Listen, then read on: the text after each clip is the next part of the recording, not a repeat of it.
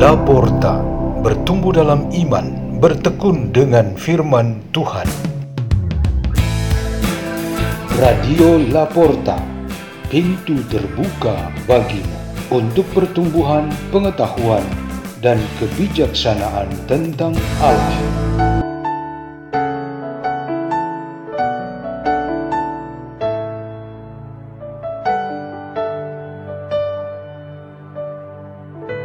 Bacaan dan Renungan Sabda Tuhan Hari Jumat Pekan kelima Masa Biasa 10 Februari 2023 Dibawakan oleh Pastor Peter Tukan SDB dari Komunitas Salesian Don Bosco Gerak di Kevikepan Labuan Bajo, Keuskupan Ruteng, Indonesia.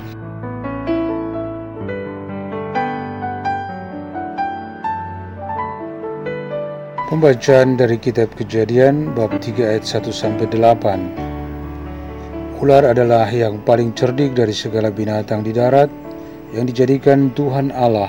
Ular itu berkata kepada wanita, "Tentulah Allah bersabda, semua pohon dalam taman ini jangan kamu makan buahnya, bukan?"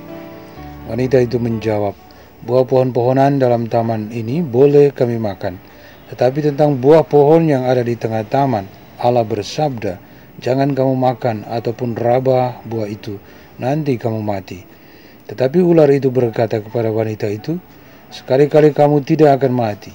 Tetapi Allah mengetahui bahwa pada waktu kamu memakannya, matamu akan terbuka dan kamu akan menjadi seperti Allah, tahu tentang yang baik dan yang jahat. Perempuan itu melihat bahwa buah pohon itu baik untuk dimakan dan sedap kelihatannya, lagi pula pohon itu menarik hati karena memberi pengertian. Maka ia mengambil buah itu lalu dimakan dan diberikannya juga kepada suaminya yang bersama-sama dengan dia dan suaminya pun memakannya. Maka terbukalah mata mereka berdua dan mereka tahu bahwa mereka telanjang.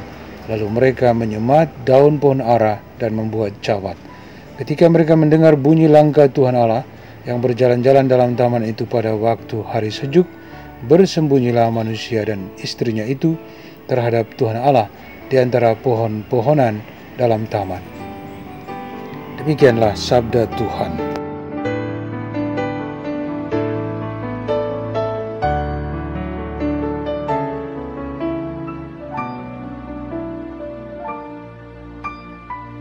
Tema renungan kita pada hari ini ialah gambar dan rupa Allah sebagai manusia. Makhluk manusia yang diciptakan Tuhan Allah menurut gambar dan rupa Allah – merupakan sebuah anugerah. Martabat mulia dan istimewa itu diberikan atas kehendak Tuhan dan bukan karena manusia menginginkannya. Salah satu dimensi yang diberikan kepada manusia adalah kebebasan dan hak untuk menikmati kehidupan di dunia yang dipercayakan sepenuhnya ke dalam tangan manusia. Tetapi kepercayaan itu memiliki batasnya, yaitu sebagai manusia. Hal itu berarti manusia menggunakan kebebasan dan kepercayaan Tuhan sejauh kemampuannya sebagai manusia. Posisi dan martabat manusia tetap sebagai manusia. Ia tidak bisa berubah posisi ke tempatnya Tuhan Allah. Begitulah maksud Tuhan menganugerahi keistimewaan kepada manusia, tetapi manusia juga diberikan satu batas yang tidak bisa ia lewati. Hal ini sama dengan bapa dan ibu, akan tetap menjadi bapa dan ibu bagi anak-anaknya sampai mereka mati. Tidak mungkin terjadi bahwa anak-anak suatu ketika berganti posisi menjadi orang tua, sedangkan orang tua menjadi anak-anak. Pergantian seperti itu hanya terjadi sebagai sebuah drama atau sandiwara, tetapi sebagai sesuatu yang merupakan kodrat dan identitas, pada prinsipnya adalah tetap seperti demikian. Dalam konteks ini, judul renungan itu sudah bagus dengan mengatakan manusia itu istimewa sebagai manusia dan titik tidak usah ditambah dengan sambungan dan atau juga. Maksudnya bahwa manusia tidak boleh diberikan satu alternatif lain supaya ia bisa menggunakan kebebasannya untuk memilih alternatif lain selain sebagai manusia. Justru tambahan ini dianggap setan sebagai celah. Ia menggoda manusia supaya menyamai kekuasaan Tuhan. Manusia tergoda dan terjadilah kejatuhannya pertama ke dalam dosa. Ada ungkapan atau pepatah umum yang mengatakan begini, kekuatan atau keunggulanmu adalah juga kelemahanmu. Manusia diciptakan menurut gambar dan rupa Allah sebagai manusia, yang berarti ia sangat unggul dibandingkan dengan semua jenis ciptaan lainnya di bumi. Bahkan manusia diberi kepercayaan untuk memperhatikan dan mengolah ciptaan yang lain, sekaligus sebagai pelindungnya. Tetapi, keunggulan dan keistimewaan itu sekaligus sebagai kelemahannya.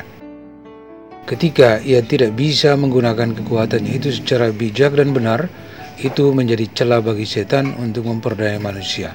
Salah satu cara dalam menggunakan kekuatan dengan benar dan tanggung jawab ialah dengan menjadi pelayan, penolong, penghibur, dan penyembuh sesama yang menderita dan yang membutuhkan pertolongan. Yesus menjadi teladan kita untuk perbuatan baik ini. Kalau kita menyibukkan diri kita untuk berbuat baik dan melayani, setan akan sulit memperdayai kita.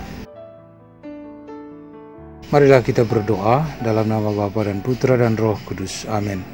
Ya Tuhan, penuhilah kami dengan kuasa-Mu, agar kami mampu mengalahkan kuasa yang jahat. Kemudian kepada Bapa dan Putra dan Roh Kudus, seperti pada permulaan, sekarang, selalu, dan sepanjang segala abad. Amin. Dalam nama Bapa dan Putra dan Roh Kudus. Amin. Radio Laporta, pintu terbuka bagimu.